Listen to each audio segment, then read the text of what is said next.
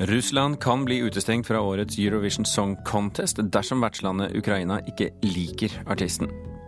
Ryfylkemuseet skal forske på barneoppdragelse i minoritetsmiljøer for å bidra til færre konflikter og bedre integrering, men de må bli venner med Datatilsynet først.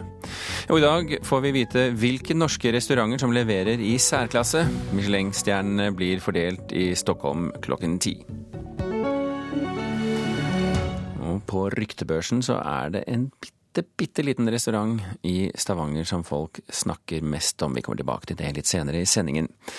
I mai skal Ukraina arrangere Eurovision Song Contest. Ukrainske myndigheter har en svarteliste over russiske artister som ikke er velkommen, allerede før de vet hvem naboen sender. When strangers are coming, they come to your house. Det ble bråk da ukrainske Shamala vant Eurovision Song Contest i fjor med ei låt om Stalins deportasjon av krimtatarene i 1944. Og mer bråk kan det bli. For ukrainske myndigheter de sier allerede nå at de vil nekte en del russiske artister å komme inn i landet dersom de skulle bli valgt. Her i Ukraina er det en liste av uh, uh, uh, from Russian federations that are that are banned from uh, coming to Ukraine because of their actions. And because of their statements. Det sier den ukrainske visestatsministeren Ivana Klympush-Chinchanse. We hope that they will be coming without, uh, without any bad thoughts. Og at russerne ikke ønsker å provosere, det er ikke leder for den norske Grand Prix-klubben Morten Thomassen like sikker på. Hvis russisk TV har såpass mye baller som de antagelig har, så er det vel en fare for at de kan finne på, bare for å lage bråk, å sende en av disse. Og russerne de har ikke bestemt seg for hvem de skal sende til den internasjonale finalen i Kiev. Det må de gjøre i løpet av de neste ukene. Og da, da blir det en utfordring for EBU ved Jon Olav Sand, som antagelig får grå hår og blir fem år eldre på dagen. For dette blir en utfordring å løse, for jeg kan liksom ikke se at Ukraina skal bestemme hvem de andre landene skal ha som artist. Så da er ballen sendt videre til Jon Ola Sand, som er sjef for det som er verdens største musikkonkurranse. Jeg ser ikke noen grunn til at man skulle nekte noen artister inngang eh, til, eh, til Ukraina. Jeg, jeg, har ikke, jeg, har ingen tro på at uh, våre medlemmer vil sende artister med et rulleblad som gjør at de ikke kan komme inn i Ukraina. Det har jeg ingen, ingen tro på. And, and, and finally. Morten Thomassen han forbereder seg på pipekonsert. Som det også ble da Aserbajdsjan ga tolv poeng til Russland for tre år siden. La Russie ja, enten så kan de liksom sende en artist og som er bannlyst, og så ender det med at de ikke får lov å sende han, og kan de trekke seg og lage mye bråk pga. det. Eller så får de lov å delta, og da syns jo synd i den artisten som kommer til et land som ikke har lyst til å ha han. Det, vi har reagert på litt pipekonsert mot Russland før, men jeg, da tror jeg det blir ny rekord i pipekonsert i hallen hvis en sånn artist skulle finne på å ville stille opp for Russland. For på scenen i Kiev så skal alle konflikter legges til side. For det skal liksom være en konkurranse i fred og fordragelighet, og vi er alle venner og vel forlikte. Selv om vi ikke er det i Eurovision, egentlig. Ein bisschen Frieden, ein bisschen Sonne für diese Erde, auf der wir wohnen. Ein bisschen Frieden, ein bisschen Freude. Reportere her var Morten Jentoft, Katrine Elland og Kirsti Falk Nilsen.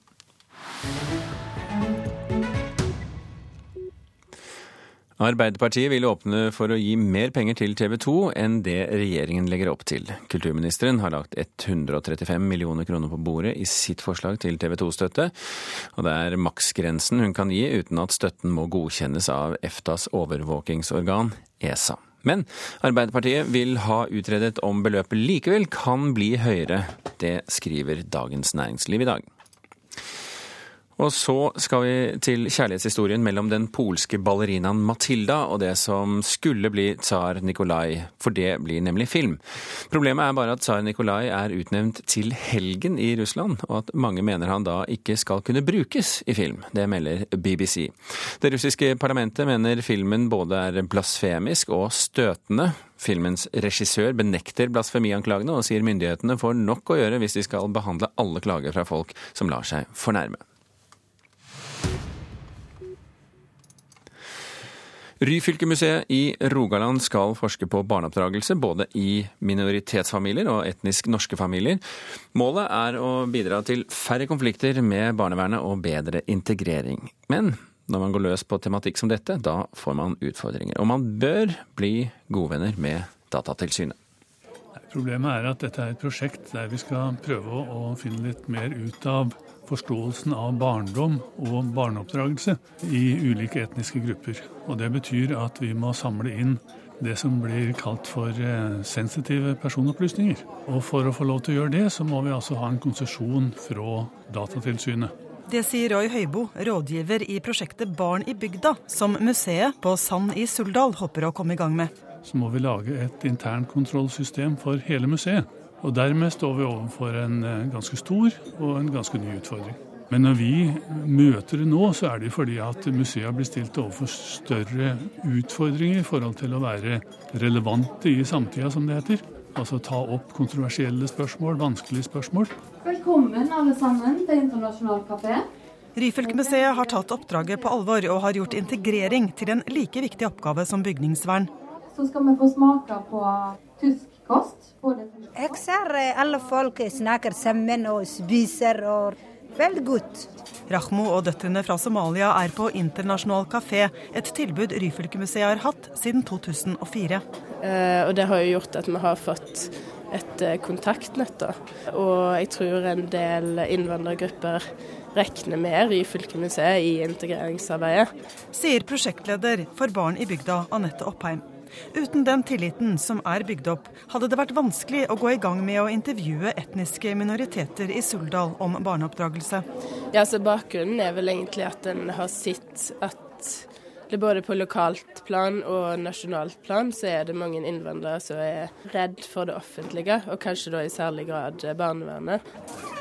Foreløpig så har det gått greit med de fleste sidene ved oppdragelsen sier Stian Wold Hultgren, som har ett år gamle Filip Georg sammen med Emilia Osowska fra Polen. I Norge så er det mye sånn fokus på at det er barnet som er sjefen. Mens uh, der jeg kommer fra, så er det litt mer sånn at det er foreldre som bestemmer ulike ting uten å diskutere for mye. Det kan være veldig sånn små ting som gjør at det kan bli vanskelig å bli integrert. Jeg tror det ofte kan bli mange konflikter som ikke handler om nødvendigvis det som eh, ikke er lov å gjøre i Norge, f.eks. det som å, som å, slå unger. da. Prosjektet skiller seg litt ut, spesielt det ved at det går ut i lokalmiljøet og forsøker å forstå barndom og barneoppdragelse i et flerkulturelt bygdesamfunn. Sier seniorrådgiver Hans Philip Einarsen i Norsk kulturråd. Men det mest vanlige er kanskje å invitere folk inn til museet, men denne gangen så går de altså motsatt vei.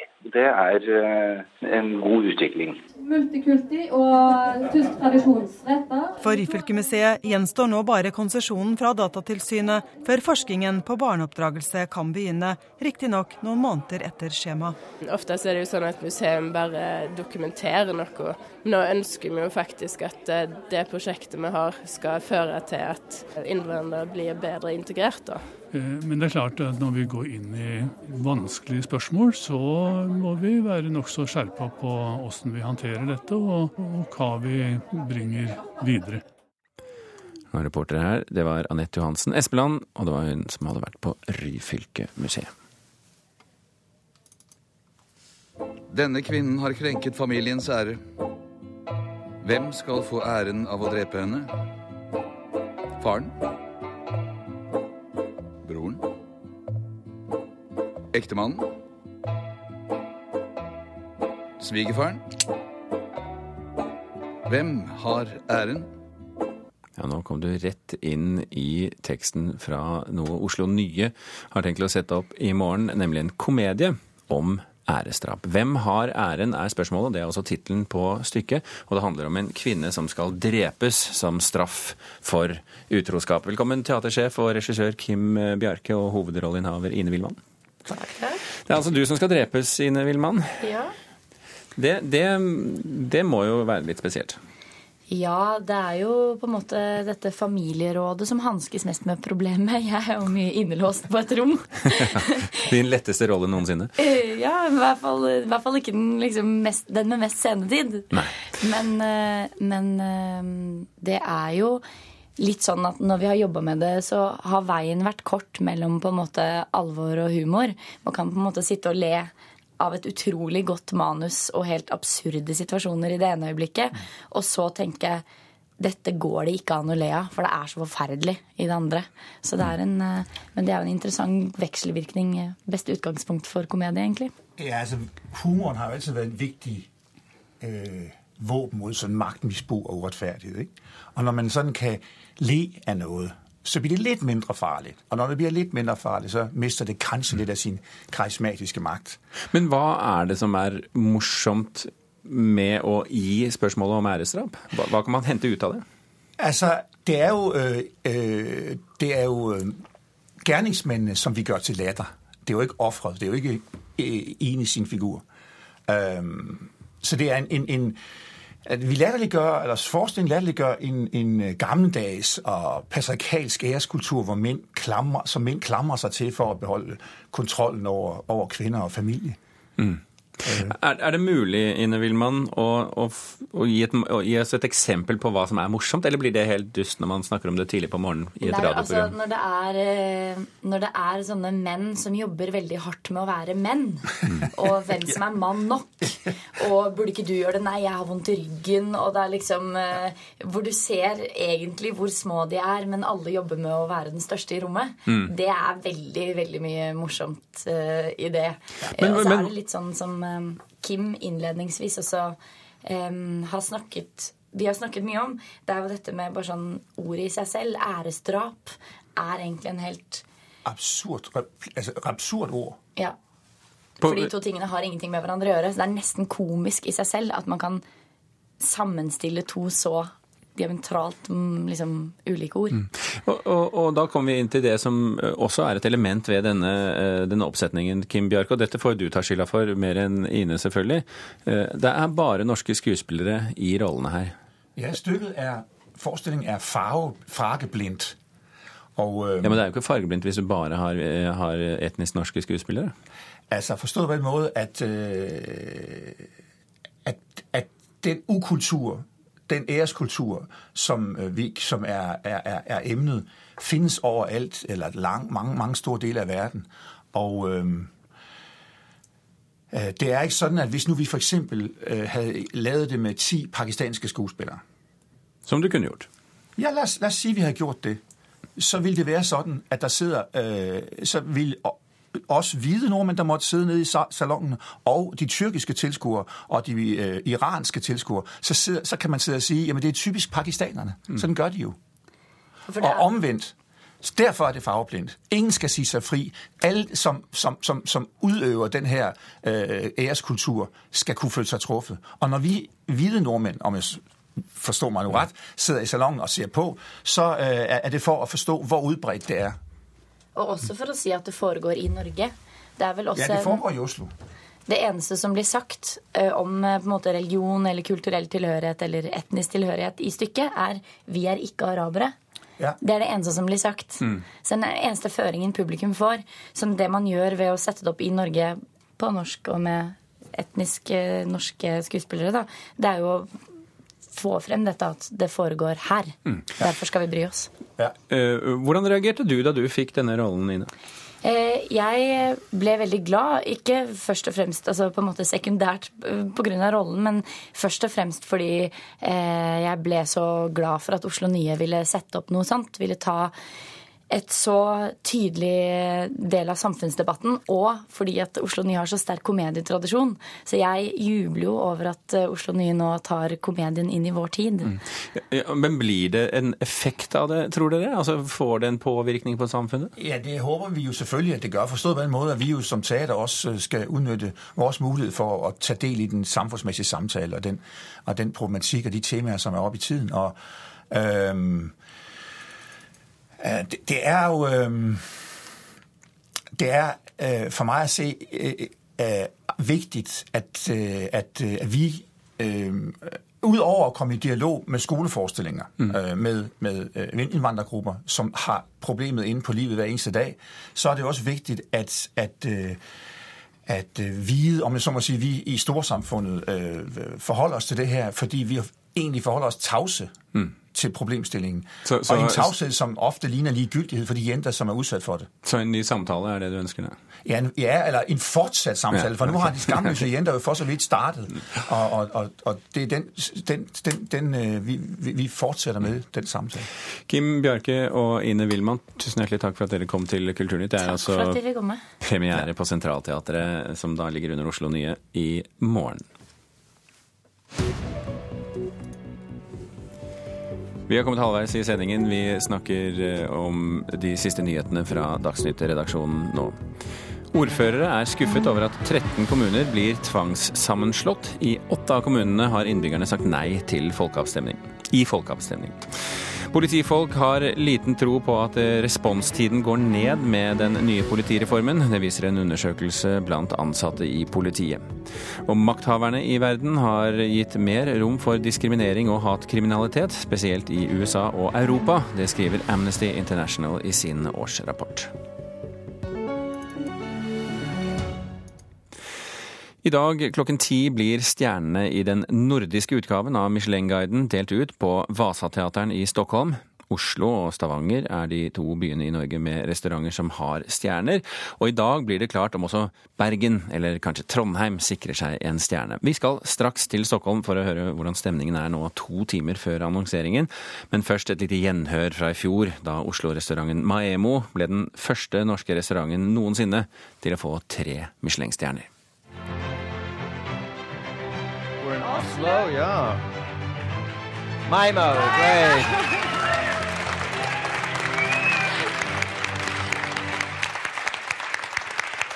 well, this is an exciting moment. Uh, and I believe uh, we have a restaurant in Oslo. Ja, journalist i NRK Rogaland, Morten Nesvik, eh, direkte med oss eh, fra Stockholm. Får Stavanger en ny Michelin-restaurant i dag, tror du? Har vi ikke med oss Morten Nesvik? Ja. Da venter vi litt, så prøver vi å få koble oss opp mot Stockholm eh, med litt hjelp fra teknisk assistanse, og så går vi til Bergen. For i studio med oss der har vi Amanda Bahl, som er matskribent i Bergens Tidende. Velkommen til Kulturnytt, eh, Amanda. Hei, takk. Hva må til for at en restaurant skal få én eller flere stjerner i Michelin-guiden i 2017? Uh, I Michelin-guiden så, så, har du både stjerner og du har uh, ulike omtaler. Men for stjernene så er det uh, først og fremst eksepsjonell kvalitet på maten. de sier jo sjøl at det er kvaliteten på maten som, som vurderes, og kun det, i forhold til stjernene. For å få to stjerner så er det eh, Restauranten må ha såpass god mat at det er verdt en omvei. Mens tre stjerner, da skal maten være verdt en tur i seg sjøl.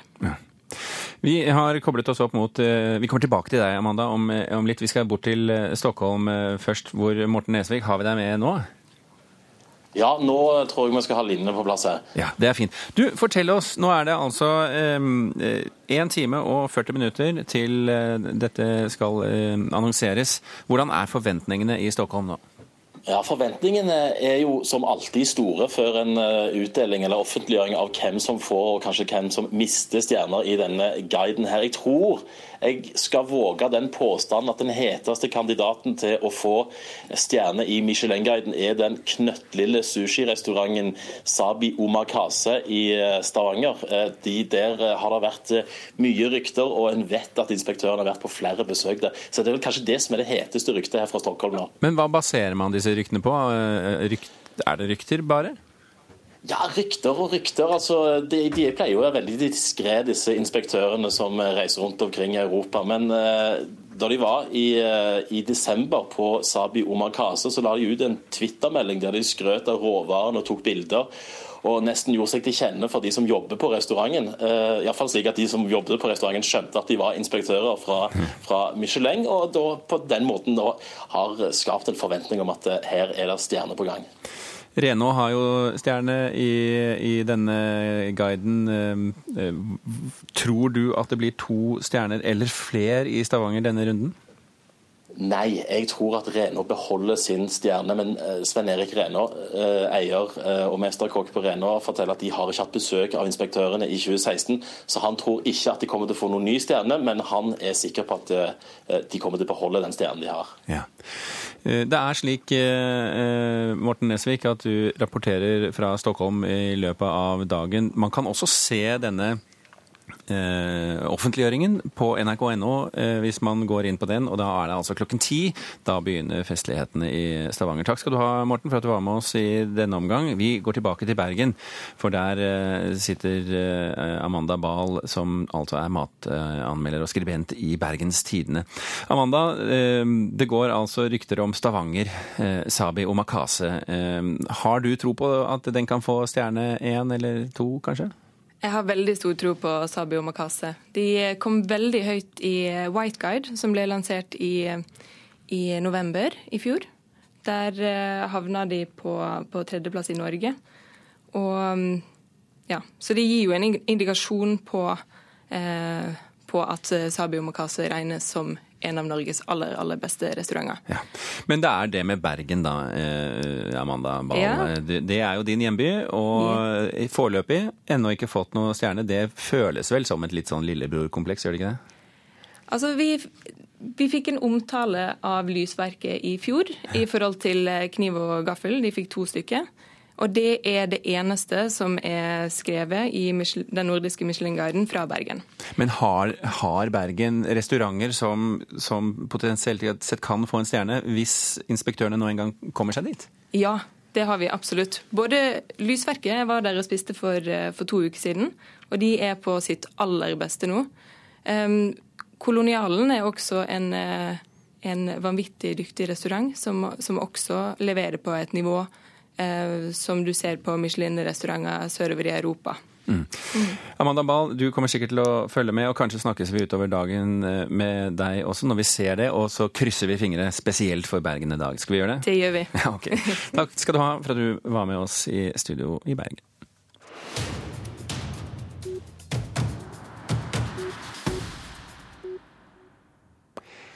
Hvis du er en av dem som ønsker å bli berørt når du leser eh, romaner, kanskje lære noe nytt og samtidig bli satt inn i aktuelle problemstillinger, så er kanskje boken 'Piken med fingerbølle' noe for deg. Men litteraturkritiker her i NRK, Katrine Strømme, jeg får inntrykk av at man kanskje skal stålsette seg litt eh, før man går løs på denne boken? Ja, men den er eh, egentlig nøktern. Det er det som er så spesielt med en bok med et så alvorlig og hjerterått tema, og som likevel er skrevet så neddempet. Eh, boken 'Piken med fingerbølle' handler om Gisa. Hun er seks år gammel. Hun er alene i en stor europeisk by. Vi vet ikke hvor hun kommer fra, vi vet ikke hvilket språk hun snakker. Til å begynne med så er hun sammen med en onkel. Han leverer henne hver dag på et torg i storbyen og sier 'gå til denne slaktebutikken, der kan du gå inn og vær der til jeg kommer og henter henter deg, eller jeg møter deg utenfor her til kvelden. Hun går inn. Bogdan, som jobber der, han eh, forstår ikke hva dette barnet sier. Hun står stille, hun rikker seg ikke. Han gir henne mat, han sier 'nå må du gå'. Men hun går ikke. Hun blir stående. Så får hun lov til å sitte i et hjørne av denne butikken, og slik går dag etter dag. Til en dag er onkel borte når hun går ut for å finne ham. Hun blir gående alene rundt i gatene, dette lille barnet på seks år. Hun eh, overnatter i en søppelcontainer. Blir funnet av noen voksne som tar henne med til et mottak for eh, papirløse flyktninger, eh, mindreårige barn, som er alene. Samme natt drømmer hun med to eldre gutter. Den ene snakker hennes språk, den andre snakker et annet språk.